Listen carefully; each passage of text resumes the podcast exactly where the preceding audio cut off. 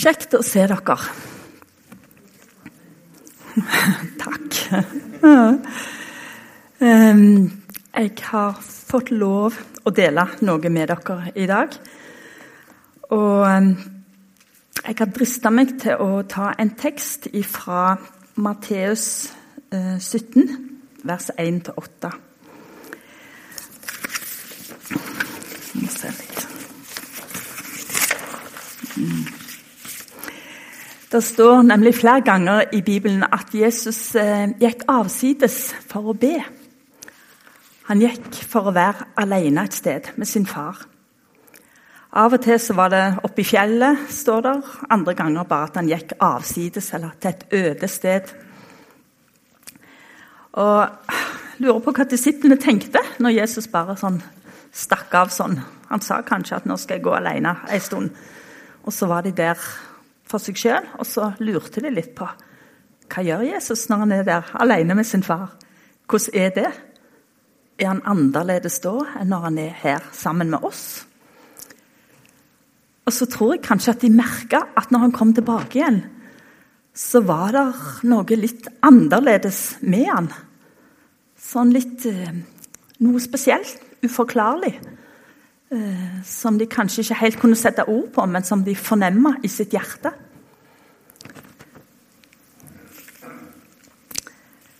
Eh, denne gangen her, som det står om, der inviterte faktisk Jesus tre av disiplene til å være med seg når han gikk opp på fjellet for å være med sin far. Så jeg skal lese den teksten da for dere, eh, fra vers 1. Seks dager senere tok Jesus med seg Peter, Jakob og hans bror Johannes og førte den opp på et høyt fjell hvor de var alene. Da ble han forvandlet for øynene på dem.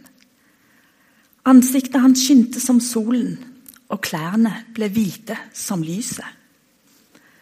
Og se, Moses og Elia viste seg for dem og snakket med ham. Da tok Peter til orde og sa til Jesus.: Herre, det er godt at vi er her. Om du vil, skal jeg bygge tre hytter. En til deg, en til Moses og en til Elia. Mens han ennå talte, kom en lysende sky og skygget over dem, og en røst lød fra skyen. Dette er min sønn, den elskede. I ham har jeg min glede. Hør ham.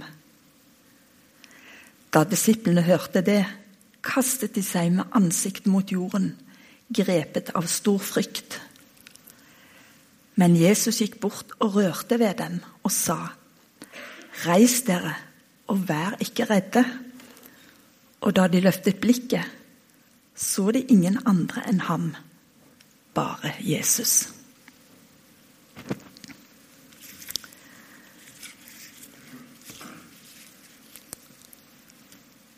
De hadde stort sett sett Jesus som den menneskelige siden av Jesus.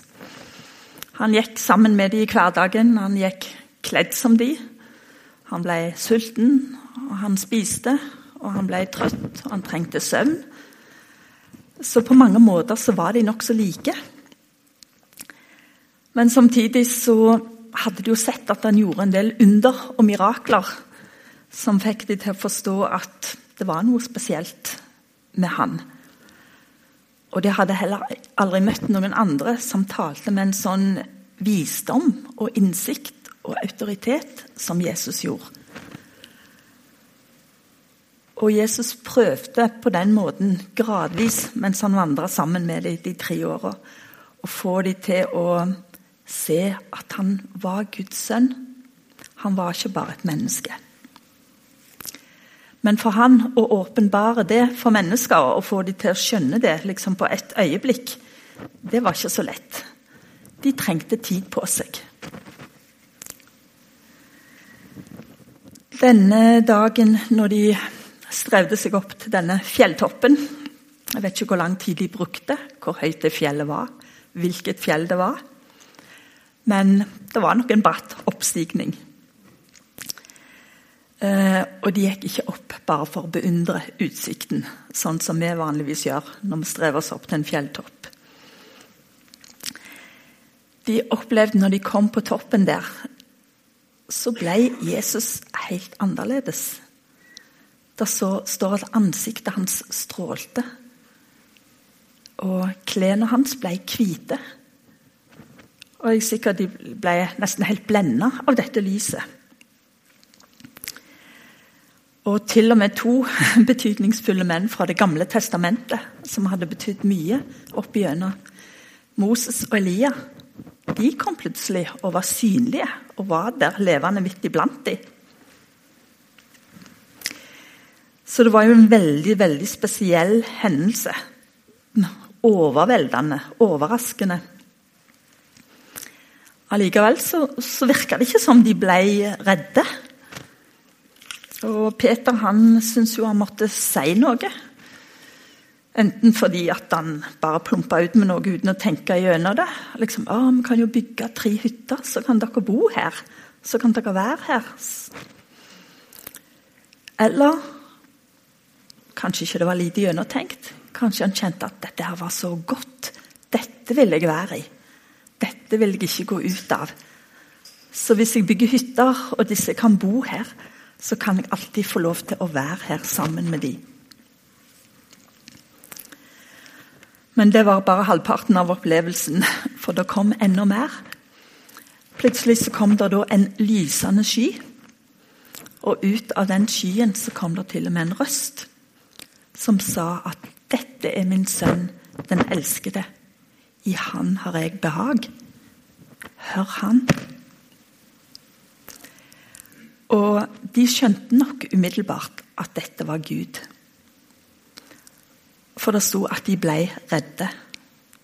Da kom redselen, og de kasta seg ned til jorda. Og Jødene visste jo at Gud var så opphøya og hellig at hvis de så Gud med sine øyne, så kunne de ikke leve. Da ville de dø. Så de prøvde å skjule seg. De ville ikke se Gud. De gjemte ansiktet, skygga for øynene. Men Jesus og Gud hadde aldeles ikke til hensikt å skremme vettet av disiplene denne dagen. Det var ikke Jesu tanke med å ta dem opp her på fjellet. Men jeg har lagt merke til at det står flere steder i Bibelen at når Gud åpenbarer seg på en eller annen måte, enten ved en engel eller på andre måter å tale, så noe av det første han sier, er 'frykt ikke'. Så det var nok forbundet med en frykt å oppleve sånne spesielle, overnaturlige ting som tross alt ikke skjedde i hverdagen. Men nettopp fordi at Gud åpenbarer seg ikke for å skape frykt, så er han veldig nøye på de første ordene han sier. Frykt ikke. For å skape trygghet og ro, og for å nå gjennom med det budskapet som han da har til menneskene. Og da står I vers 7 og 8 så står det mm, Men Jesus gikk bort og rørte ved dem og sa:" Reis dere, og vær ikke redde. Og da de løftet blikket, så de ingen andre enn ham, bare Jesus. Jesus både talte til dem, og han berørte dem fysisk for at, de, at frykten skulle slippe taket. Og det endte med at når de da vågte å løfte blikket, så var det Jesus de så. Da var det hans blikk de møtte. Han kjente de. Han var det godt å være sammen med.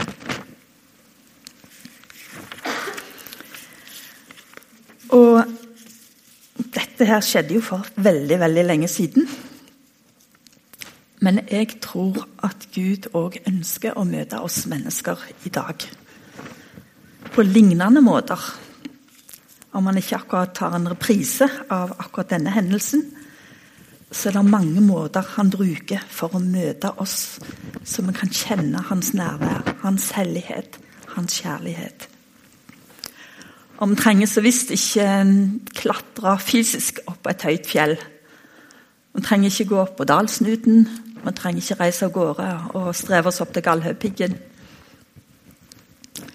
Men Jesus ønsker å vise oss hvem han er.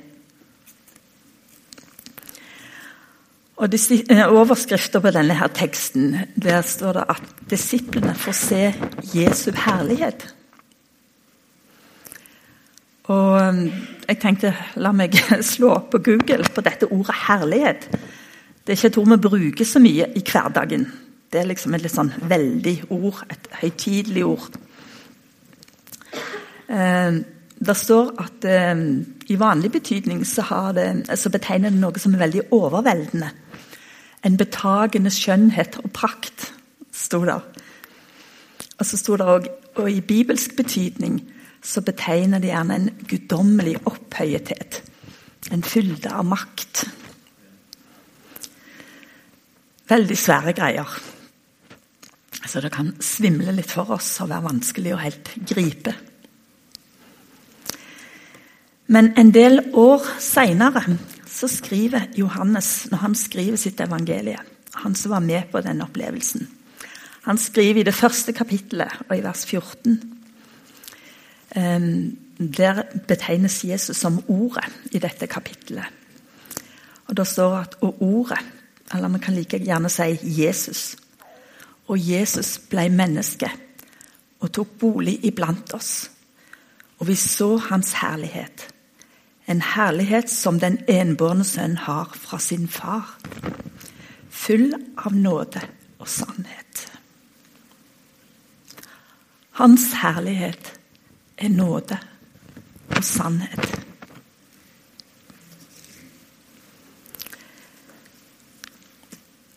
Han er den eneste sanne Gud, og han er full av nåde han er fylt av en fullkommen og ufattelig kjærlighet som ikke bare svever høyt oppe i universet, langt ifra oss. Men den kjærligheten har bøyd seg helt ned der vi er, og favner oss ufullkomne mennesker. Han inviterer oss til et liv sammen med seg. Og det var derfor Jesus kom.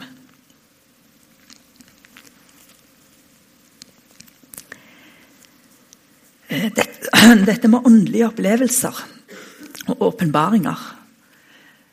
Og mange som har et anstrengt forhold til det. Og syns at det er ikke så helt enkelt, det der. Ehm, noen tenker at opplevelser det har jo bare med følelser å gjøre. Og følelser de kommer og går. De kan være veldig overveldende og intense der og da. Og så en stund etterpå, dagen etterpå så er alt tilbake til det normale igjen. Så føler du ikke det lenger. Og da tenker du at da, da er ikke denne opplevelsen noe mer. Og hva verdi har det da? Og så tar de på en måte avstand fra det. Altså, Det der er ikke noe for meg. Jeg har ikke bruk for det. Og jeg er ikke sånn følelsesmenneske. Eller kanskje de syns det er ok med en opplevelse hvis det resulterer i noe konkret. Hva kommer det ut av dette her? Betyr det, Kommer det ut et veldig forvandla liv? At fra den dagen av så var den personen aldri den samme lenger? Ehm, eller endte det opp med en helbredelse? Som alle kunne se at dette var et guddommelig verk? Et mirakel? At det skjedde et konkret bønnesvar? Men Jesus han lengter etter å komme oss i møte og bare vise oss hvem han er. Han lengter etter bare å overøse oss med kjærlighet. Og at ofte så kan det være nok i seg sjøl, og verdifullt nok i seg sjøl. Så dette med opplevelser Det høres ut som et flyktig uttrykk.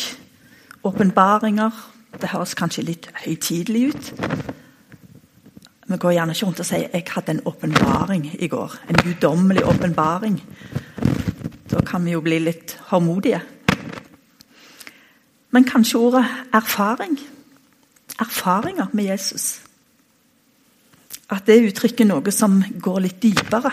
Noe som er litt mer solid. Noe vi kan ta med oss i livet. Ehm, for min del så har jeg gjort heldigvis mange erfaringer i livet. Eller jeg har gjort. Det er kanskje ikke riktig å si. Jeg har fått nåde til å få mange erfaringer. Og um, det kan skje på veldig forskjellig vis.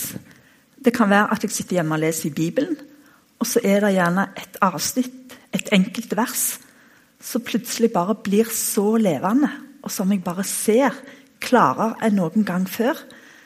Og som kan Aha! Og det kan overvelde meg. Virkelig. Det, ja, det blir noe mer enn bare noe jeg leser og som går inn i hodet. Men jeg kjenner at det går til mitt hjerte. At det blir fullt av liv. Ehm, det kan være i et møte med andre kristne. Stor eller liten samling.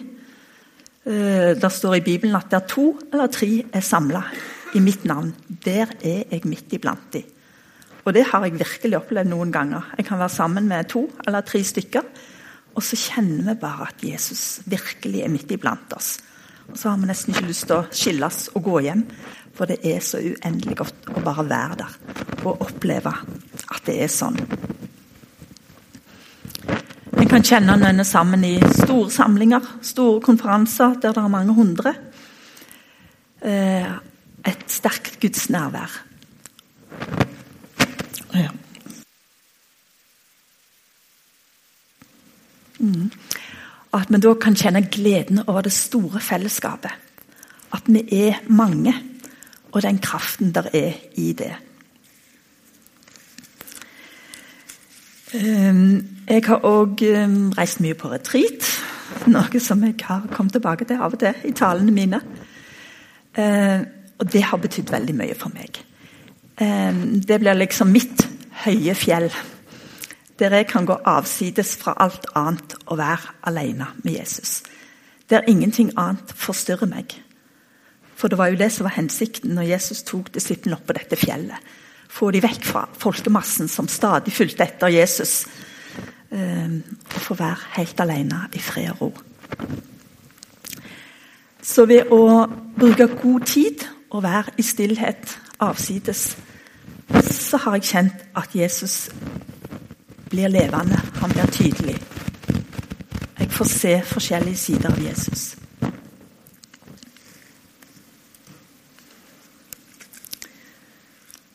Mange tenker gjerne etter en sånn opplevelse at å, nå må jo livet bli helt forandra. Fra i morgen av så er jeg ikke den samme. Da skal jeg bli et mye bedre menneske, en mye bedre kristen. Men så kommer hverdagen igjen, og så kommer det hele på avstand. Følelsen avtar. Og så lurer en på er det over nå.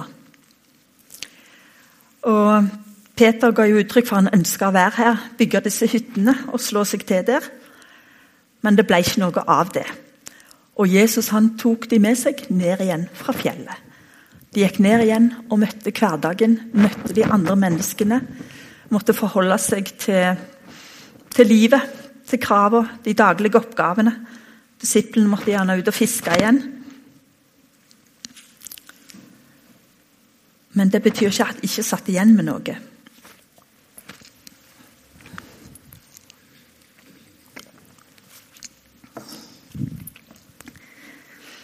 De hadde tross alt fått et dypere kjennskap til Jesus. Et klarere syn på hvem han var. Og det tror jeg aldri de glemte. Og Likevel så var ikke en så sterk opplevelse nok. De trengte å få han åpenbart flere ganger gjennom livet. Og Vi ser jo etter oppstandelsen så åpenbarte Jesus seg flere ganger for disiplene.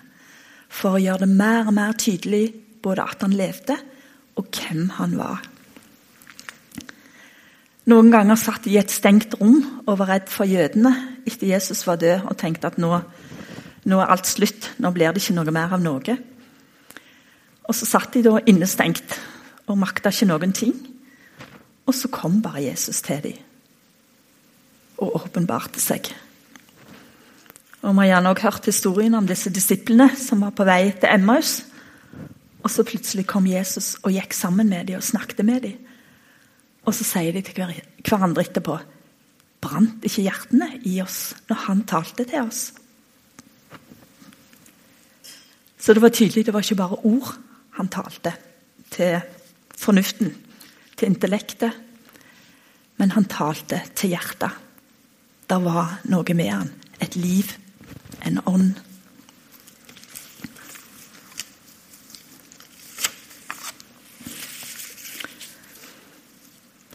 Jeg har ofte blitt overraska når Jesus kommer og viser meg noe, når han åpenbarer seg. Eh, jeg ser at det er ikke noe mønster i det. at Hvis jeg ber én time, så får jeg en såpass åpenbaring. Og hvis jeg ber i tre timer, så får jeg en mye sterkere åpenbaring. Og ber jeg en hel dag, så ja. Eh, altså Da blir det lett eget strev og egen innsats og belønning. Han kan komme på de mest overraskende tidspunkt. Og jeg tenker Kom du nå, Jesus? Jeg har jo ikke gjort noe spesielt. Jeg har jo ikke fortjent noe spesielt med at du skulle komme nå. Det er liksom ingen fornuftig grunn til det. Og sånn er han. Eh, jeg syns å ane gjennom Bibelen at det alltid er Gud som tar initiativet til dette møtet. Det står i denne teksten at det var Jesus som tok dem med. Det var han som førte dem opp på et høyt fjell. Og de var nok ikke engang nødt til å være med. Hvis de absolutt ikke ville og hadde satt seg imot det, så tror jeg ikke at de måtte. Men de hadde lyst. Og åndelige erfaringer er heller ikke noe vi må ha for at Gud skal akseptere oss, for at han skal være fornøyd med oss, eller for at vi i det hele tatt skal kunne regne oss som Guds barn. Det går ikke på det. Men når vi er Guds barn, så lengter han etter å komme oss i møte og gi av seg sjøl. Og gi oss av sin nåde og sin kjærlighet.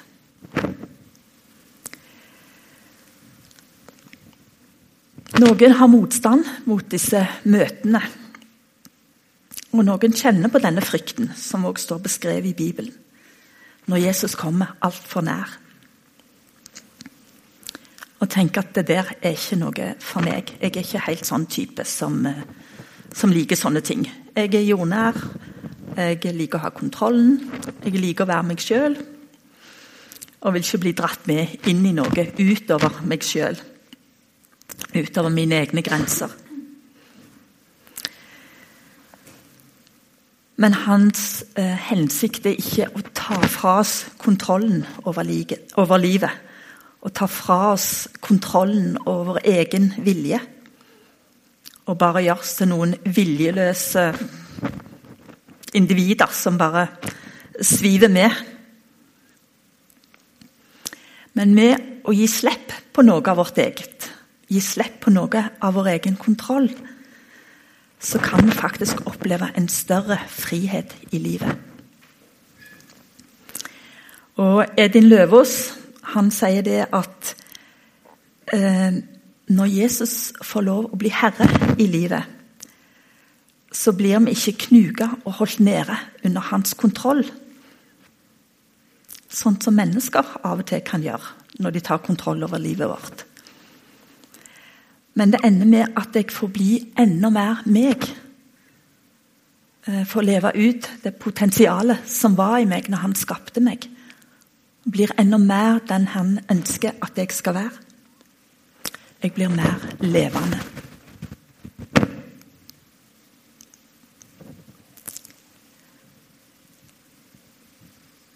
Da de så opp, så de ingen andre enn ham, bare Jesus. Tror det er der han vil ha oss. Det er begynnelsen på et levende og et rikt liv i frihet og glede.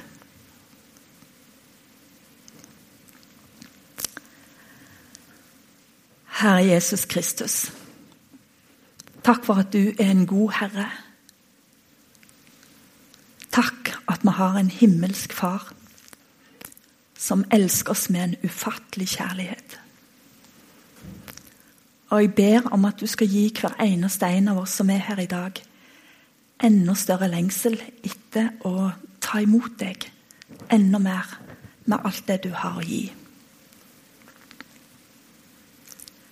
La oss ikke kjenne på frykt eller motstand, men la oss bare få lov å åpne hjertene og se at du vil oss vel. Du ønsker bare å vise hvem du er. Amen.